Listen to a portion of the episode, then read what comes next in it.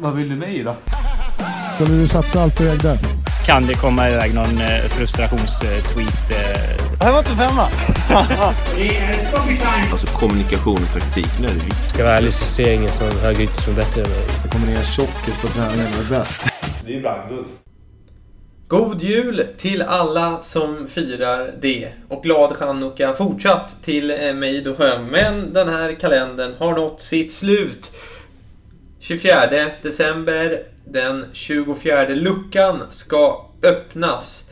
Och eh, dagens lucka har framtiden för sig får man säga. Han eh, gjorde under året allsvensk debut för Sirius och skrev sedan på ett A-lagskontrakt. Det är inte Krim Rapti som haft 24 förut och det är inte heller Karvan Ahmadi som hade det innan eh, dagens lucka, utan det är såklart Isak Bråholm som har gått hela vägen genom Sirius akademi till A-laget och är den spelare som nu knyter ihop säcken för RU Sirius julkalender anno 2019.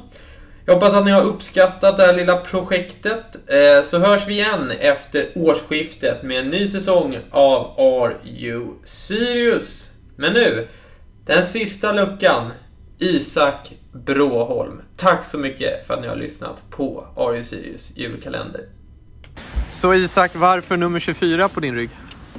Eh, för att jag eh, hade det när jag var liten, när jag spelade i Sunnersta. Eh, det var mitt första nummer jag fick. Så det föll naturligt. Är det viktigt för dig att ha 24 eller? Nej, men det var... Jag orkade inte tänka på något annat. Så jag bara tog det första som kom upp i huvudet. Hur känns det då att vara luckan på julafton? Ja, det är en stor ära. Det måste jag säga. Mm. Eh, vad säger du om din säsong här? Din första riktiga A-lagssäsong får man säga i Sirius. Eh, tycker jag att det har varit roligt eftersom att jag fått mer speltid än vad jag trodde. Eh, och eh, framförallt så har jag utvecklats mycket. Eh, så nu är det bara att köra, köra i gymmet så att komma in, tillbaka fysiskt. Mm. Vad är det något konkret du kan säga du känner att du har utvecklat? Ja, vändningarna, vända upp, vara hotande.